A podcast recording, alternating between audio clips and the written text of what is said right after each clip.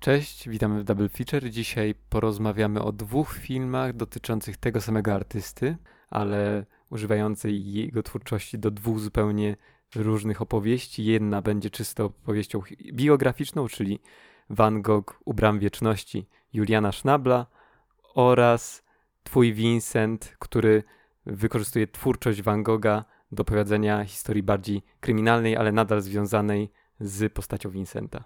Zapraszamy.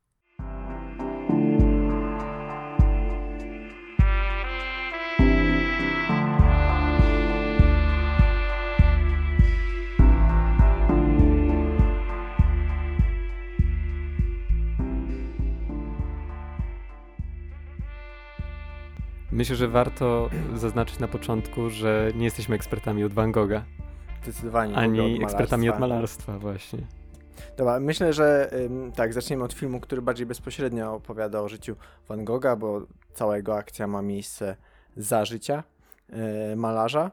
Mm. To jest chyba zresztą jeden z jego ostatnich etapów życia, prawda? Tak, tak, tak. W ogóle większość filmów które e, powstały mm, na temat tego malarza, a powstało ich całkiem sporo. E, koncentruje się na tym ostatnim etapie życia. Mm, raz, że chyba jest to taki, mm, taki okres najbardziej e, interesujący czy atrakcyjny, bo, bo wtedy ten malarz był najbardziej płodny, ale jednocześnie te tajemnicze okoliczności śmierci i tak dalej, to jest też sprawia, że, że, że do tego tematu często e, się wraca. Mm, ale też z tego co wiem, no, życie Van Gogha nie jest też wcale zbyt dobrze udokumentowane. Jest hmm. sporo zachowanych listów Van Gogha do, do jego brata, Theo, mm, ale ogólnie, przynajmniej według reżyseria, Van Gogh u bram wieczności, bo to od, od tego filmu zaczniemy. Według reżysera więcej o życiu Van Gogha nie wiadomo niż wiadomo. No tak, no bo w sumie to jest dosyć logiczne, jeśli za życia, za swojego życia nie był dość doceniony, no to też jest mniej takich materiał, materiałów archiwalnych, skoro był traktowany jak taki, jak taki podrzędny artysta. Prawda? To, to, to się wydaje dosyć logiczne. Tak, za życia nie sprzedał praktycznie żadnego e, obrazu i, i, i zdecydowanie sława gdzieś miała przyjść długo, długo mm, po śmierci. E, I myślę, że właśnie w kontekście zestawienia z tymi innymi e, bardziej klasycznymi w formie biografami Van Gogha warto o e, filmie Juliana Schnabela porozmawiać. Mm. Tak, bo Julian Schnabel trochę zna się jakby na malarstwie. Z pewnością ma jakiś taki background, bo głównie jego filmy opierają się na bycia, byciu biografiami znanych malarzy czy też artystów po prostu. Czy znanych artystów, ale powiedziałbym, że e, kompetencje Schnabela do, do wypowiadania się w tym mhm. temacie mm. leżą przede wszystkim w fakcie, że sam jest malarzem z wykształcenia i, e, i, i też zawodowo. On, on być może, no nie, trudno porównywać, gdzie więcej osiągnął, ale na pewno przez większą część życia większą część życia poświęcił malarstwu, a, a gdzieś e, te jego filmy są rozłożone dosyć rzadko E, dosyć odlegle w czasie i, i wydają się takim dodatkowym zajęciem. Natomiast on jest malarzem i to jest zdecydowanie film malarza o mhm.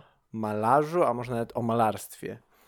Jeśli chodzi o, o, o w ogóle zalążek powstania tego filmu, to już jakby kilkukrotnie proponowano mu e, zrobienie filmu o Van Goghu, ale Schnabel wielokrotnie się temu opierał, bo właśnie bał się banału i bał się no, jakby uważał, że temat jest mocno wyeksploatowany właśnie przez te inne e, filmy, bo właśnie mm, już od lat 50. w sumie niemal co 10 lat jakiś film, e, jakiś film taki około biograficzny o Van Goghu powstawał.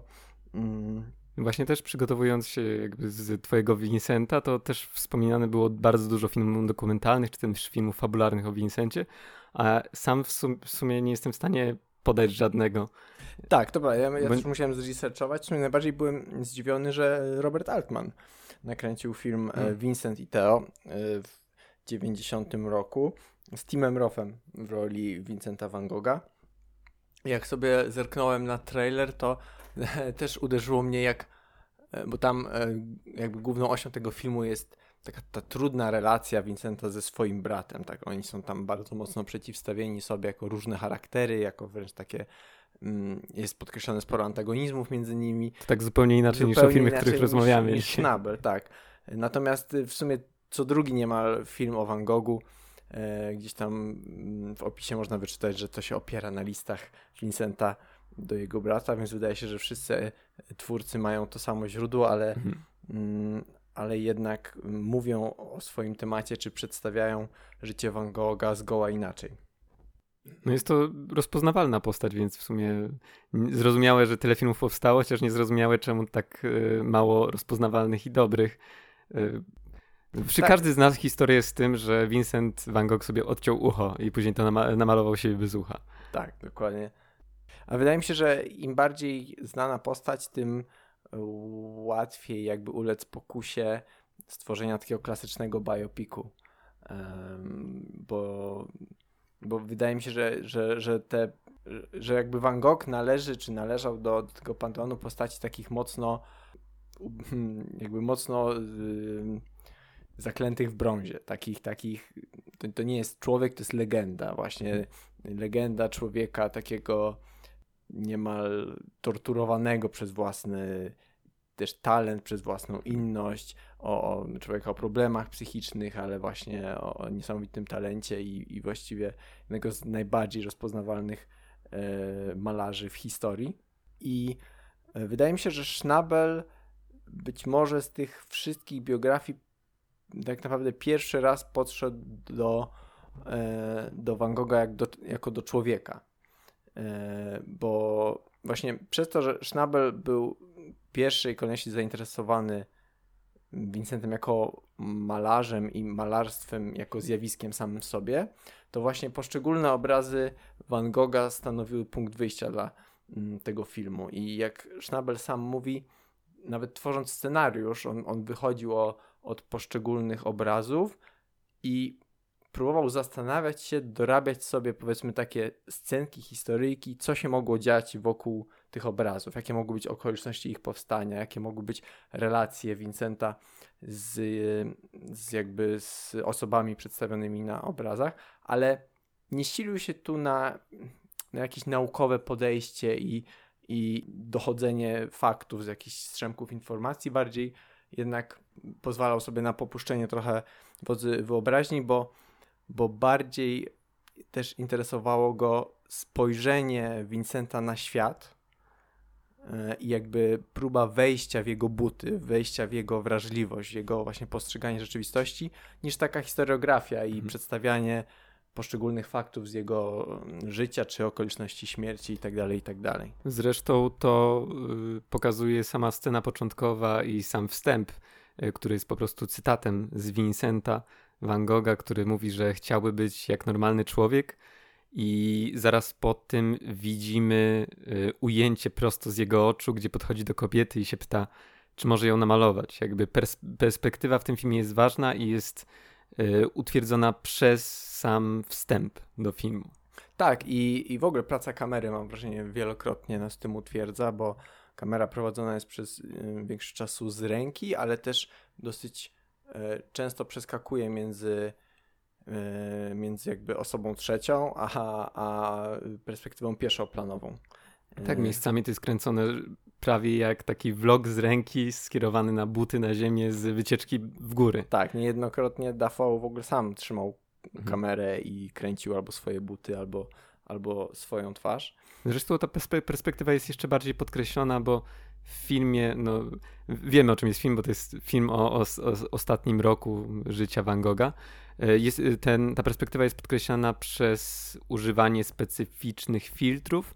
Miałem wrażenie często, że dźwięk jest zniekształcony, a na pewno, co, co, co możemy stwierdzić, to że obraz z pewnością jest zniekształcony do perspektywy Vincenta. Często dolna połowa ekranu jest zamazana, jest zastosowany żółty filtr, więc to podkreśla taką jakby subiektywizację tej tak, wizji. Tak, dokładnie, dokładnie.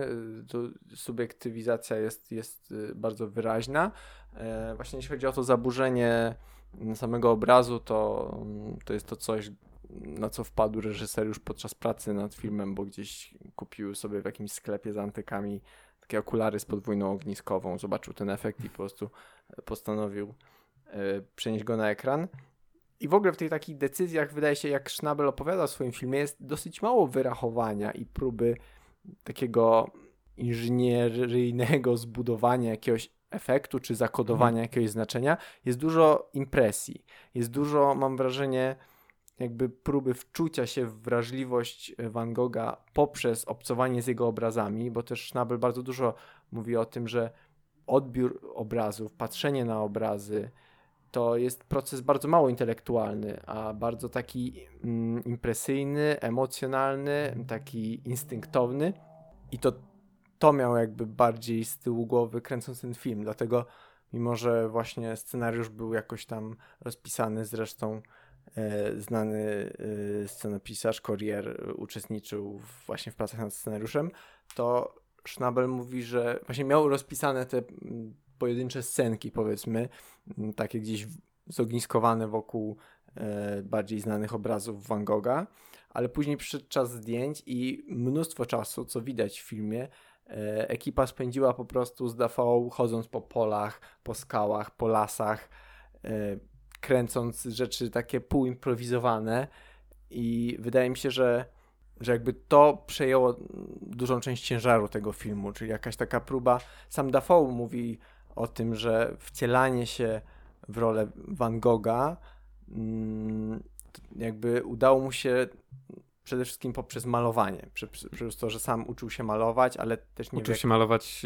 e, w czasie kręcenia tego filmu, tak? Tak, tak, bo no, Schnabel jest malarzem, więc gdzieś mu tam A. na bieżąco po prostu pokazywał, nie wiem, jak się trzyma pędzel i tak dalej, ale te technikalia są nieważne, bo Dafoe bardzo mocno podkreślał to, że uczenie się malowania to tak naprawdę nauka patrzenia, patrzenia w odpowiedni hmm. sposób, patrzenia na obiekty, które malujesz nie w sposób taki reprezentatywny, aha, to jest las, więc tu trzeba namalować kontury drzewa, to jest człowiek, więc trzeba na, e, zachować proporcje i tak dalej, a bardziej patrzenia na te obiekty przez pryzmat światła, że tak naprawdę hmm. malowanie to jest malowanie światła, czyli patrzenie na to, jak światło się odbija na różnych rzeczy, gdzie jest ciemniej, gdzie jest jaśniej i to mm, daje efekt taki takiego bardziej impresyjnego mhm. e, malarstwa. Może coś jest de facto mniej rzeczywiste, ale, ale bardziej żywe, bardziej, e, bardziej namacalne w pewnym sensie.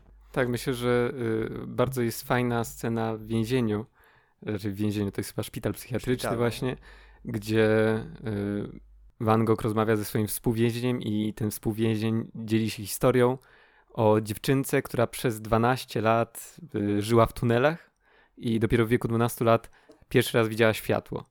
I później Vincent zapytany o to, czym się zajmuje, odpowiada: Ja maluję światło. Czyli jakby odkrywa swój świat, odkrywa coś, czego inni nie są w stanie zobaczyć. I y, ta scena nie jest tylko fajna ze względu na to, jakby, że przedstawia filozofię filmu i filozofię jakby Vincenta, jaką widział ją Schnabel, z tego co rozumiem.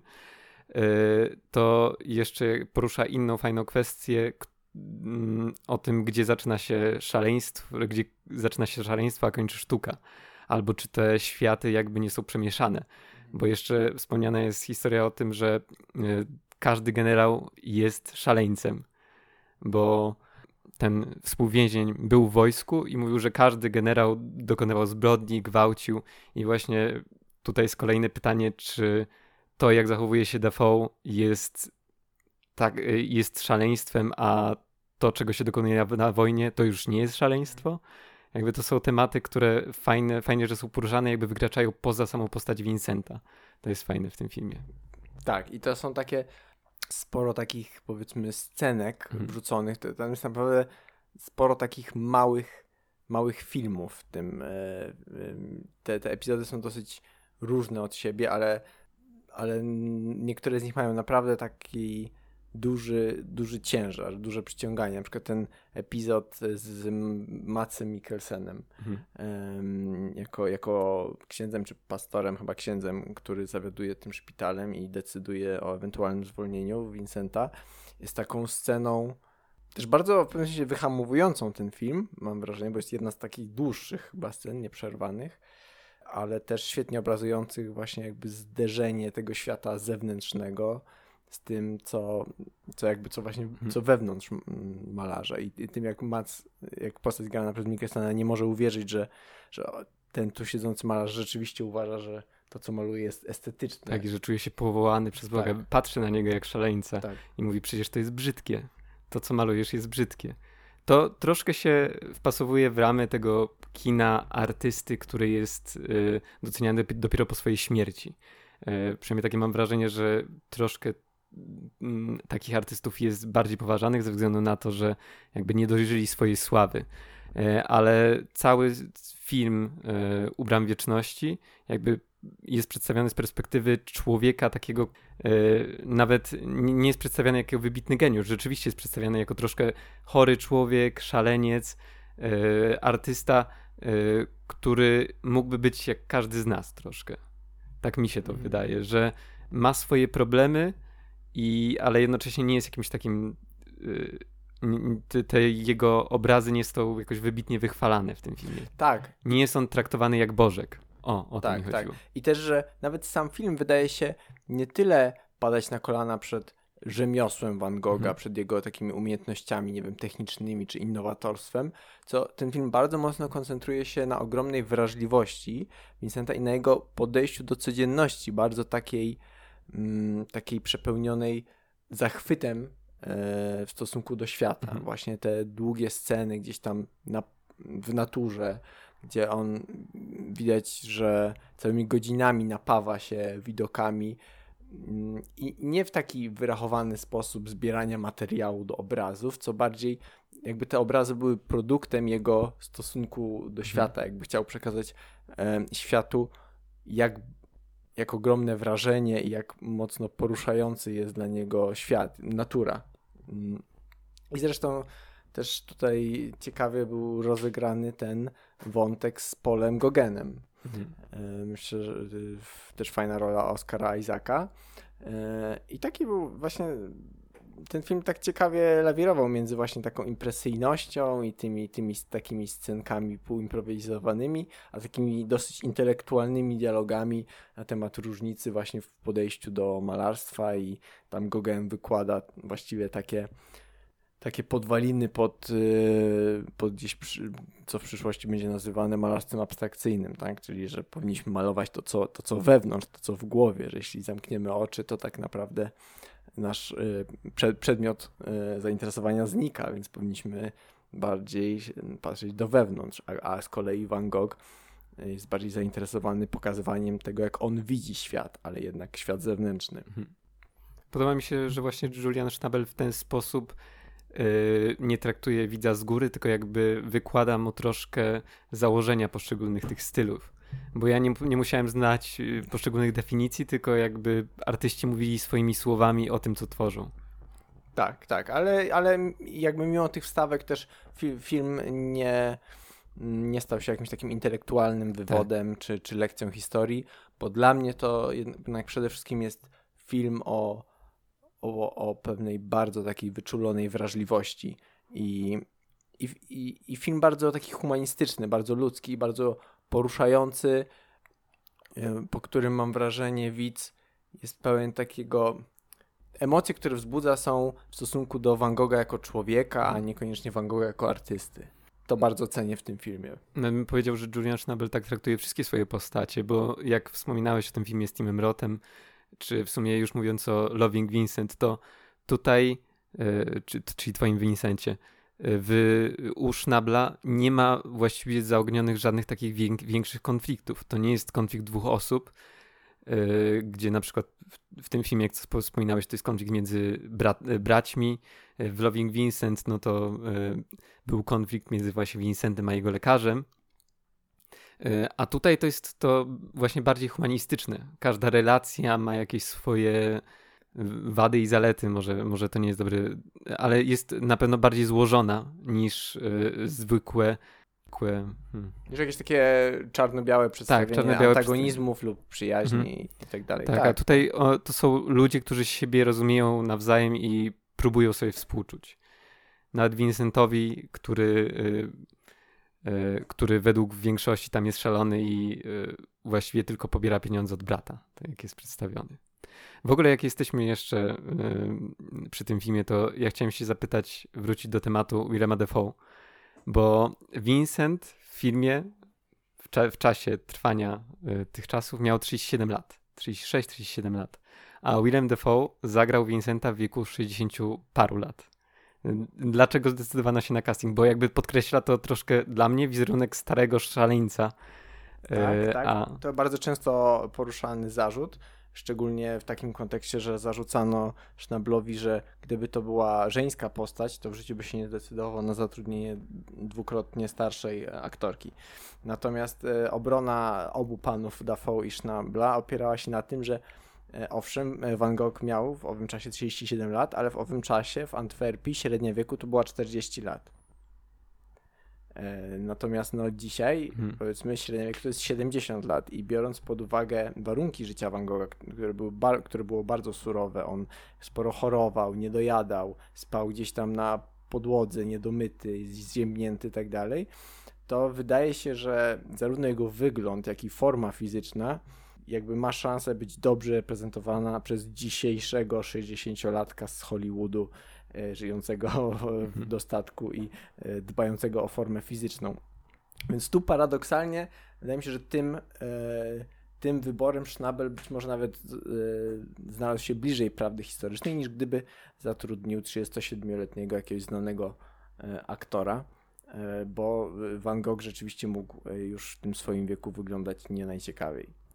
E, tak, więc, więc e, to, to jeśli chodzi o, o wiek, e, a w ogóle jeśli chodzi o sam wybór Dafoe, sam casting tej roli, to się okazuje, że Dafoe zna, zna się ze Schnablem już od wielu, wielu lat i już mm, kilkanaście lat przed powstaniem filmu wiedział, że gdzieś tam Schnabel o tym myśli lub że dostaje propozycje i brał też czynny, czynny gdzieś tam udział na etapie konsultacji i, i wydaje się, że Schnabel pisał scenariusz tego filmu już z myślą o, e, o Dafoe.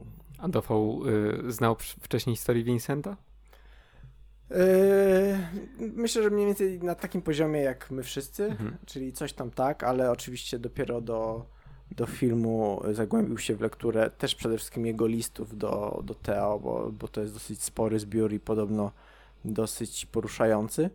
Więc tak, głównie, głównie gdzieś tam czytał listy przygotowując się do roli, ale sam właśnie mówi, podkreśla to, że to głównie ten, mm, to nauka patrzenia na świat w sposób malarski Mhm. jakby najbardziej pozwoliła mu zrozumieć e, wrażliwość Vincenta.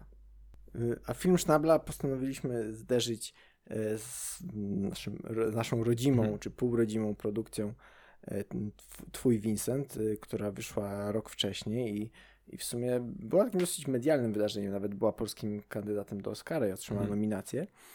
Film, który porusza ten sam temat, ale w zgoła inny sposób, być może e, dalej się nie dało, jeśli chodzi o wybór formy. Mhm. No, jakby nie patrzeć, film rozpoczyna się cytatem z listu Vincenta, który mówi, że e, żeby patrzeć na jego życie, że chciałby, żeby ludzie e, widzieli go w jego obrazach. I właściwie na tym opiera się ten film. Właściwie na, tylko i wyłącznie na obrazach Vincenta i e, składa się z nich, jeśli chodzi o tła. Zresztą Julian Schnabel powiedział to samo, tak? Właśnie, że chciał e, powiedzieć o Vincencie przez jego obrazy. E, Jeśli chodzi o Twój Vincent, no to to jest bardziej w pełni polska inicjatywa, tak bym to określił, Doroty Kobieli, która padła na pomysł krótkiego metrażu o Vincencie Van Goghu w pełni namalowanego. Że najpierw nakręci film i później każdą klatkę własnoręcznie namaluje. E, I to będzie jakaś taka pięciominutowa animacja. Ten pomysł się zrodził mniej więcej e, w wieku 30 lat, kiedy zdała sobie sprawę, że ciężko pracuje i nie ma czasu na malowanie, mimo że skończyła ASP i nie zrobiła jeszcze żadnej e, wystawy, e, jak to określa nawet w Pcimiu Dolnym, e, tylko zajmowała się filmami kolegów i robieniem montażówek na korporacyjne eventy. I wtedy przypomniała sobie właśnie o Vincencie Van Goghu, o którym napisała zresztą pracę magisterską, że e, on zaczął malować obrazy dopiero w wieku 28 lat. I ta historia ją troszkę natchnęła, zaczęła czytać o Van Goghu, zaczęła czytać e, jego listy i właśnie wtedy wpadła na pierwszy pomysł, żeby zrealizować ten film krótkometrażowy. Następnie, pracując przy innym filmie o Chopinie, e, poznała Hugh Welshmana, w którym się wtedy zakochała, porozmawiali o tym filmie i on powiedział, że to jest w ogóle pomysł na film pełnometrażowy. Ona licząc, że jakby chciała zrobić półtorej godziny film o Vincencie Van Goghu w pełni malowany, to jakby sama to robiła, to zajęłoby jej 80 lat.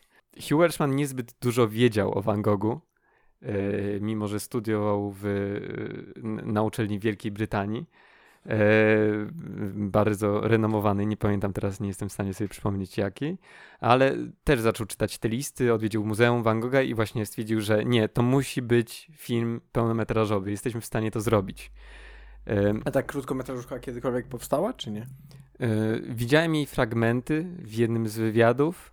E, z tego co wiem, to powstała, ale nie znalazłem żadnego źródła, żeby ją obejrzeć kiedy już e, zaczęli zbierać środki, między innymi, najpierw to miał być film w pełni polski, były środki zorganizowane we Wrocławiu głównie, później nawiązali współpracę z, filmem, z Trademark Films, które jest dużym studiem, które ma na swoim koncie takie produkcje jak właśnie Mój tydzień z Merlin czy y, Zakochany Szekspir i w ten sposób znaleźli drogę do angielskich aktorów y, i też między innymi do Clint'a Mansella, który mhm. stworzył muzykę do tego filmu zrobili ogłoszenie w internecie e, na malarzy do pracy, mhm. żeby właśnie malować do filmu. Zresztą środowisko malarskie było bardzo zdziwione, mhm. że istnieje coś takiego jak praca dla malarza. Mhm. Że to jakby zupełnie coś abstrakcyjnego, że pracujesz, rynek pracy. Tak, no. pracujesz 6 godzin i jakby dostajesz za to pieniądze codziennie jako malarz.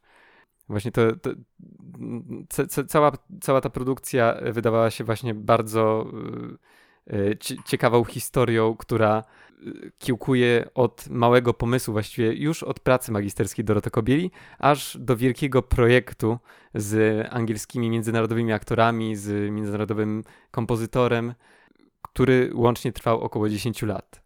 Ale w sumie samo, samo produkowanie tego filmu było najdłuższe, bo kręcenie zajęło dosyć krótko, około pół roku, a malowanie tych obrazów z 120 malarzami zajęło około dwóch lat. No właśnie, bo rozumiem, że to cały film został nakręcony w wersji live action, a potem po prostu malarze tak. oglądali ten film i, i odzwierciedlali, znaczy malowali te kadry w, już farbami i pędzlem. Tak, tak. To, to był kręcony zresztą na zielonym ekranie, gdzie nakładane były obrazy y, Van Gogha.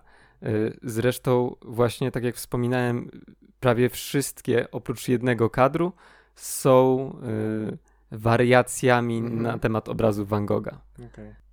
No właśnie, czy ten film to jest tylko i wyłącznie ta forma?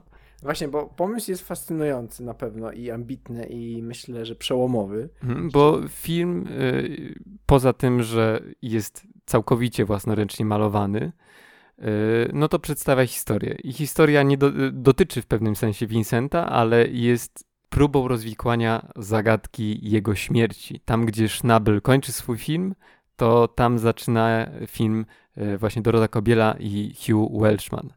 Jest młody bohater, y, który był kiedyś zresztą malowany przez Van Gogha, syn listonosza, który próbuje dostarczyć ostatni list Van Gogha jednak zostaje wplątany w pewien sposób w rozwikłanie zagadki jego śmierci. Czy aby na pewno popełnił samobójstwo, czy może doprowadziły do tego osoby trzecie. Tak.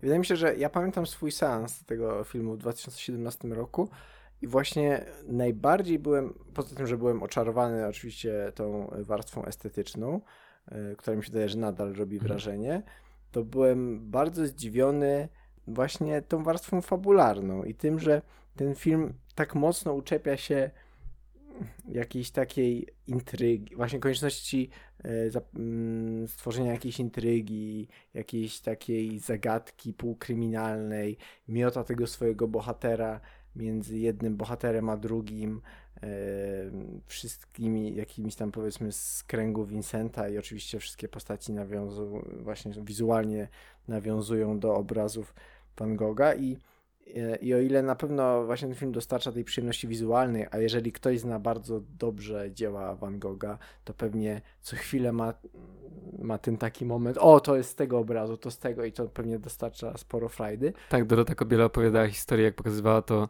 ten film y, dyrektorowi Muzeum Van Gogha i on cały czas był taki podekscytowany, o kojarzę to, kojarzę to i kiedy pojawił się jeden, jedyny kadr, który oni musieli wymyśleć, bo No. zupełnie nie pasował, nic nie pasowało do tej sceny, to był bardzo zdenerwowany. W sensie był bardzo taki zaskoczony i Zaskoczony, może on czuł dyskomfort No podczas oglądania tego.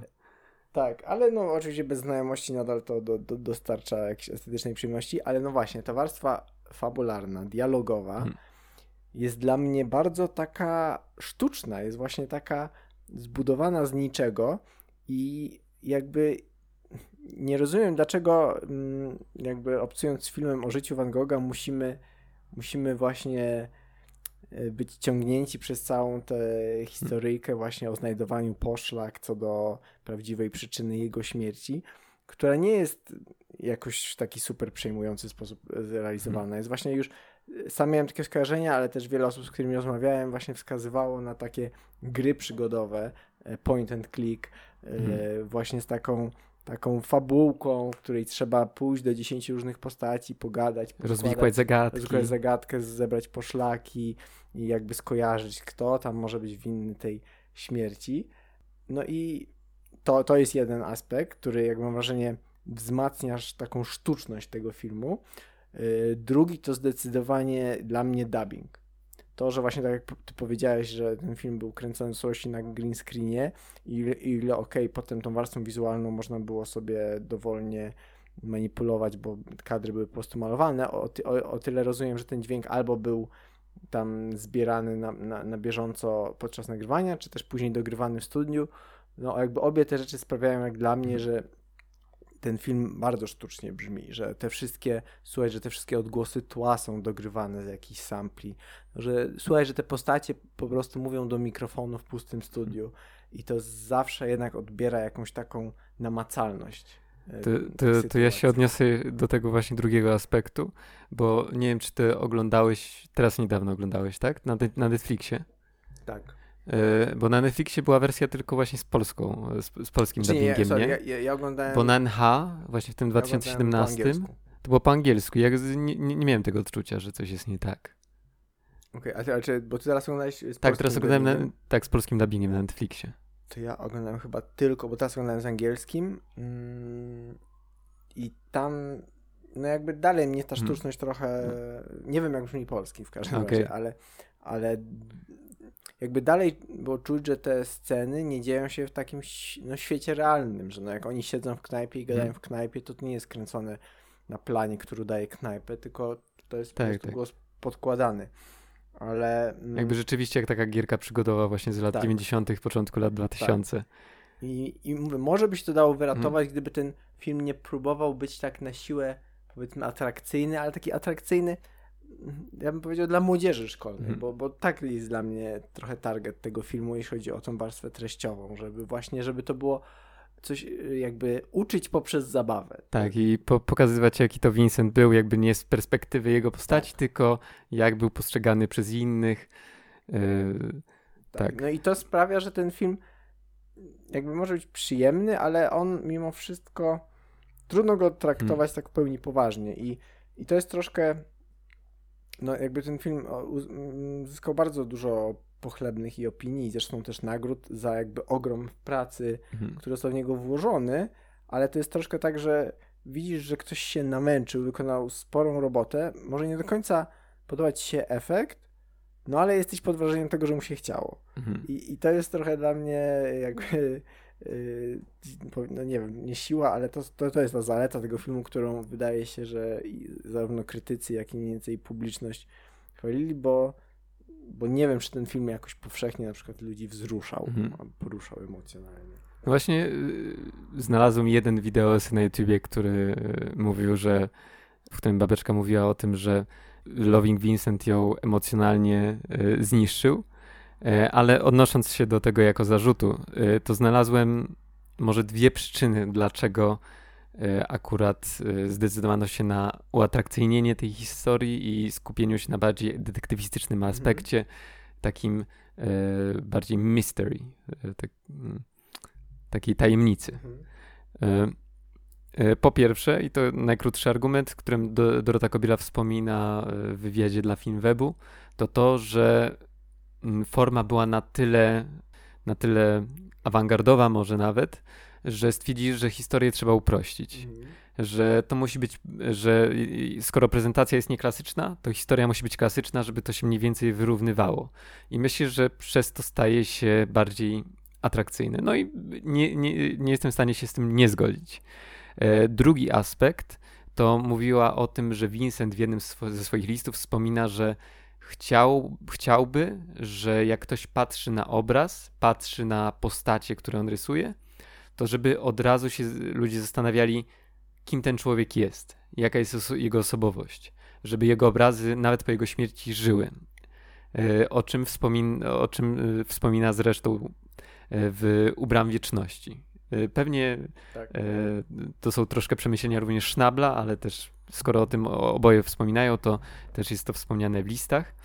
I y, ta historia i to, że po śmierci Vincenta te postacie dalej żyją, może takiej bardziej filmowej narracji, to jest to uzasadnienie jako przedłużenie y, dziedzictwa Vincenta, jako przełamywanie sztuki jako, e, jako formy e, i jednocześnie utrakcyjnienie jej i pokazywanie, że te postacie nadal żyją i mają swoją osobowość.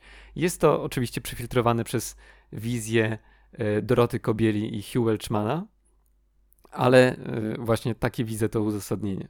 No tak, bo właśnie, tylko ja bym tu z kolei powiedział, że jeśli, jeśli te postacie miały żyć jeszcze długo mhm. po, po śmierci Vincenta, czy długo po tym, jak spotykamy się z jego obrazami, to nie wiem, czy odpowiedzią na, na, na to jest jakby dawanie definitywnych odpowiedzi, czyli mhm. pokazywanie, a ta kobieta z tego obrazu to była pomocnica w kuchni kogoś tam, mhm. a ten pan to był syn listonosza i jakby okej, okay, ale to też dla mnie odbiera sporo takiej tajemnicy mhm. tym obrazom. Nawet jeśli oczywiście możemy, powinniśmy to traktować, że to jest tylko jakaś interpretacja twórców, a nie definitywne odpowiedzenie na to, kim postaci z obrazów Van Gogha są. Tak, bo ona patrzyła na twórczość Van Gogha jako perspektywę widzenia jego świata.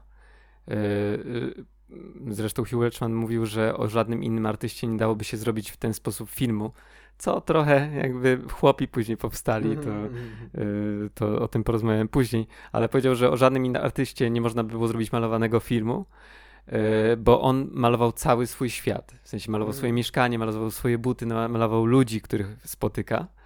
Yy, I w ten sposób dało się wykreować ten świat możliwie maksymalnie wykorzystując jego twórczość. Mhm. A to akurat w sumie trafna uwaga, bo bo jakby jednak w sumie chłopi nie traktują, nie są filmem o artyście, nie? A, mhm. a rzeczywiście e, być może większość innych artystów wizualnych, malarzy ma jakieś takie na przykład swoje ulubione motywy. Mhm. Mm, a tutaj jakby ten kontekst y, tych postaci jest y, może dla niedzielnego odbiorcy, tak jak my, to daje troszkę tajemnicy, ale jak ktoś zna na przykład biografię Vincenta, to wie, że to jest ta osoba, to jest ta mhm. osoba i to daje przestrzeni tym osobom do życia właśnie dalej w obrazie. Tak. No, a jeszcze wracając do tego właśnie uśrednienia pomiędzy awangardą formy, a mhm. jakąś taką zwykłością treści, to myślę, że właśnie to, to brzmi trochę na taką wyrachowaną decyzję hmm.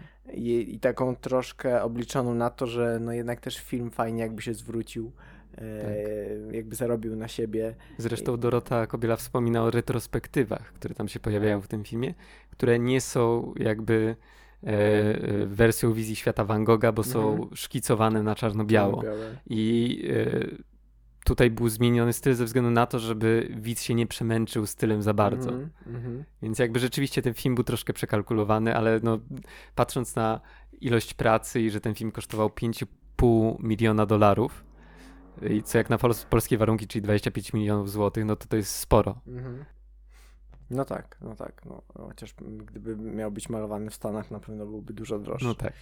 E, tak, no ale ja mm, jakby muszę, muszę, muszę wrócić do tego swojego właśnie osądu, że bardzo fajnie, bardzo ładnie, super robota, ale film taki ok.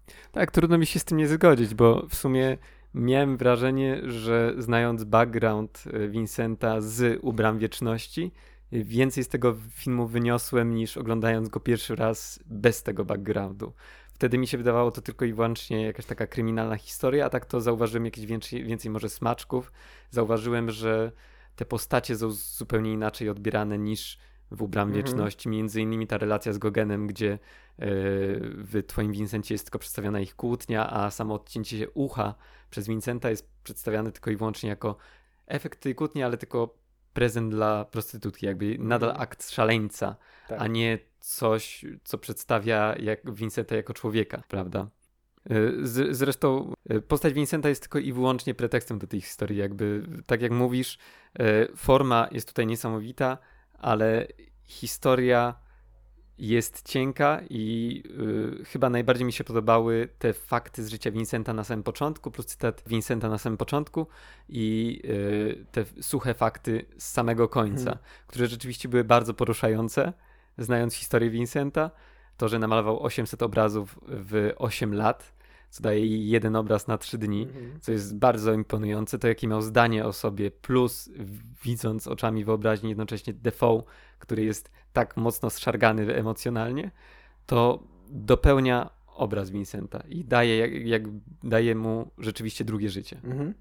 Tak, ym, zgadzam się, chociaż jeśli miałbym właśnie wybierać szkołę robienia e, filmów takich biograficznych, mhm. to zdecydowanie e, bliżej mi do, do, do podejścia Schnabela który próbuje bardziej, nie, mniej próbuje opowiedzieć o kimś, a bardziej próbuje opowiedzieć z perspektywy kogoś. Mhm. I, I mi się wydaje, że to jest to, że jakby właśnie w takim podejściu kino ma szansę przedstawiać swoją taką pełną moc i, i, i właśnie uwalniać tę empatię w stosunku tak. do drugiego człowieka, niezależnie od tego, czy to jest ktoś współcześnie żyjący, e, jakiś everyman, czy właśnie y, postać, która obrosła legendą i którą znamy tylko ze stron podręczników. Tak, bo twój Vincent jest właściwie tylko jednowątkowy i służy tylko i wyłącznie historii kryminalnej, a u Bram Wieczności można z tego filmu o wiele więcej wyciągnąć. Jakby nie samo postać Vincenta, ale właśnie te rozważania na temat szaleństwem i sztuką, e, na temat e, właśnie zyskiwania wieczności, budowania sobie pomniku dla przyszłych pokoleń i to, że twoja sztuka teraz jest y, dla każdego śmieciem, a kiedyś może być prawdziwym złotem. Tak. I na koniec jeszcze może chciałbym parę słów, bo w ogóle ten temat nam się wziął hmm. właśnie y, z okazji tego, że y, niedawno w kinach miała premierę kolejny film duetu hmm. od twojego Vincenta, czyli Chłopi. E, ja jeszcze go nie widziałem, ale wiem, że ty już jesteś po seansie. I bardzo jestem ciekawy, czy e, właśnie w chłopach twórcy Twoim zdaniem wyciągnęli jakieś wnioski, może przyjrzeli się jakimś zarzutom, również tym, który dzisiaj sformułowaliśmy w stosunku do Twojego Vincenta, e, i czy znalazłeś tam coś więcej poza formą? E, według mnie chłopi zostali stworzeni po to, żeby skorzystać jeszcze raz z tej metody malowania filmu chociaż samo malowanie nie wydaje mi się zupełnie uzasadnione. Jak w Vincencie to ma sens w kontekście twórczości Van Gogha, to w kontekście chłopów, no to jest to kolejny bajer po prostu wizualny. E, natomiast jeśli chodzi o narrację chłopów, e, no to według mnie poszli o krok do przodu. Ta historia jest o wiele ciekawsza, można z niej wyciągnąć o wiele więcej E, nie powiedziałbym, że jest tak fajnie zniuansowana, jak można by było to e, dostosować do obecnych czasów, e, ale z pewnością jest to o wiele ciekawszy seans niż twój Vincent, bo rzeczywiście tutaj jakieś wątki feministyczne wychodzą na pierwszy plan i jakby wpasowują się we współczesną, we współczesną dyskusję. To jednak sama historia chłopów, pokazująca jakby życie i opierający się całkowicie na Raymoncie, nie jest na tyle ubogacona, żeby wyciągnąć z niego, wydaje mi się, cokolwiek więcej. Nie, nie, nie wiem, czy dobrze się wysłowiłem. Czyli, że nie, że nie dodaje za dużo od siebie? Masz wrażenie, to chcesz powiedzieć? Mm, tak, wydaje mi się, że nie, nie daje tak dużo od siebie i nie daje y, pola do różnorakich mhm. interpretacji. Okay, okay. Jest to po prostu historia z chłopów. Tak okay. Ale myślę, że też. To... Ale nadal jest, jest, to, jest, to, jest to ciekawy film. Bo myślę, że pewnie materiał źródłowy jest bogatszy mm, i tak. myślę, że e, no jednak Raymond naszym noblistą był, mhm. jest e, i, i, i właśnie też z opinii, które gdzieś tam wyczytałem, to wydaje się, że to całkiem udana próba takiego uatrakcyjnienia, chociaż nie nadmiernego i nie mhm. takiego taniego, e, no materiału, który kojarzy się w większości z nas, nas e,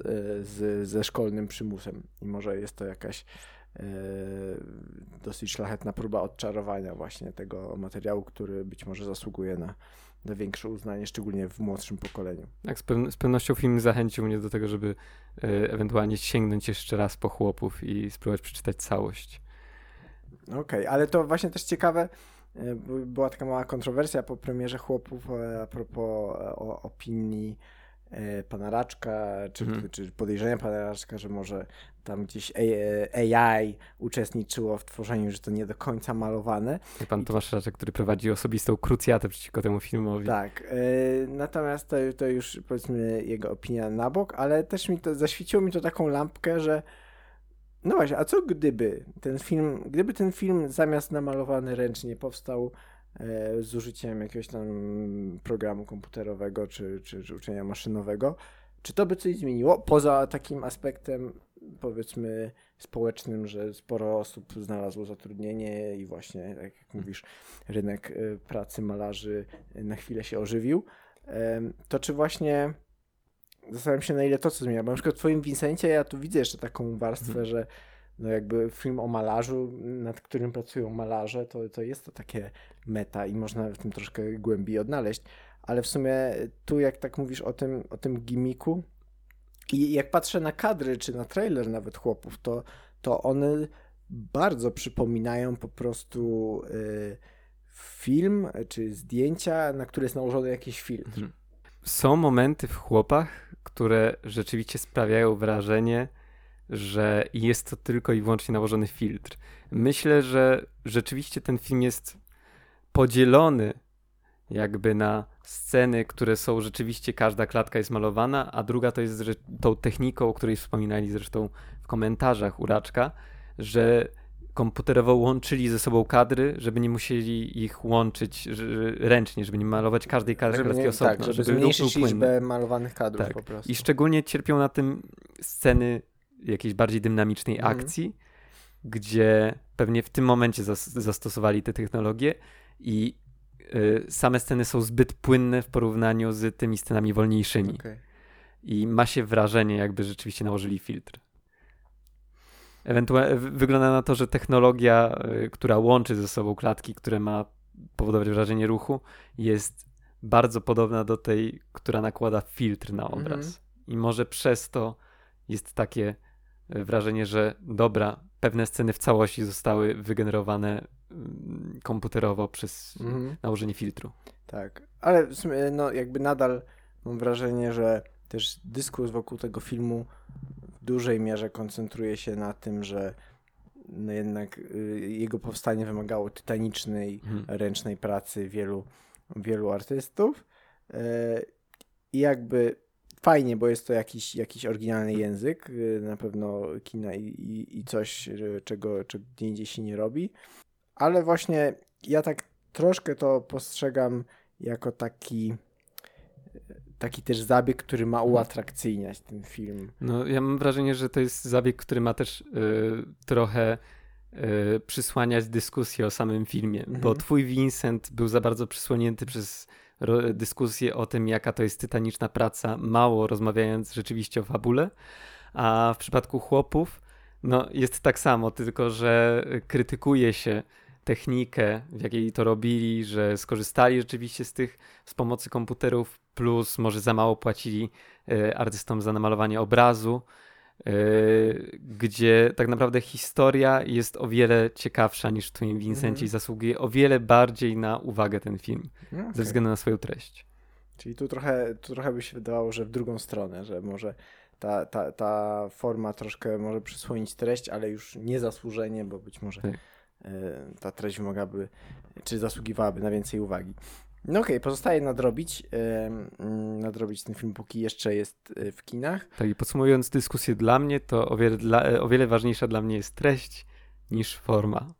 Myślę, że dla ciebie również, skoro o wiele bardziej wolisz y, Ubram Wieczności niż twojego Vincenta. E, tak, chociaż akurat właśnie Ubrami Wieczności jest filmem, gdzie ta treść z formą bardzo się przenika i Mm. właśnie to, to, to, to, jest, mm, to jest film, w którym tak trudno jest grubą kreską oddzielić obie Mm. te rzeczy. Jak na przykład właśnie w twoim Vincencie, gdzie mam wrażenie, że są dwa zupełnie osobne aspekty i że można by jednym manipulować bez, nie zmieniając drugiego. Tak, ale to e- pokazuje, że y, troszkę forma jest nieodłącznym elementem też treści. Przynajmniej w przypadku Że może być, może być. ale właśnie nie musi, bo, bo właśnie mam wrażenie, że w przypadku twojego Vincenta to były dwie zupełnie niezależnie podjęte decyzje, a, a z kolei w Ubram Wieczności, no to, to ta opowieść snuta jest poprzez y, formę, poprzez to, jak prowadzona jest kamera, jak, e, jak używane są kolory, jak działa montaż, muzyka i tak dalej, i tak dalej. Forma jest treścią. E, ale, ale, ale, ale nie próbuję wywołać takiego zachwytu nad rzemiosłem Mhm. filmowym, tylko właśnie być takim wehikułem dla, dla przedstawienia wrażliwości drugiego człowieka. Też tak mówiąc o twoim Vincencie, to jakby forma opowiada swoją historię, a treść opowiada swoją historię. Jakby jak są prowadzone one równoległe, a nie przenikają się w żaden sposób, no to, to, to, to rze- rzeczywiście wydaje się troszkę taki dysonans. Tak, to, to lądujemy z lekkim dysonansem. No dobrze, pozostaje y, pójść y, do kina na, na chłopów, żeby się jeszcze przekonać o, tych na, o tych tutaj wnioskach, które padły na własnej skórze. A jednym okiem możemy już wypatrywać kolejnego filmu Juliana Schnabela, do którego zdjęcia miały rozpocząć się właśnie w tym miesiącu. W obsadzie m.in. znowu Oscar Isaac, a tym razem em, temat będzie dotyczył życia Dantego Alighieri, czyli od postaci, które obrosły legendą, Schnabel e, za daleko się nie oddala. A tymczasem nieustannie zachęcamy do śledzenia naszych social e, mediów. Na pewno w najbliższym czasie pojawi się relacja z festiwalu American Film Festival we Wrocławiu, który już za pasem. A tymczasem dziękujemy Wam za uwagę i do usłyszenia w kolejnych odcinkach. Do usłyszenia.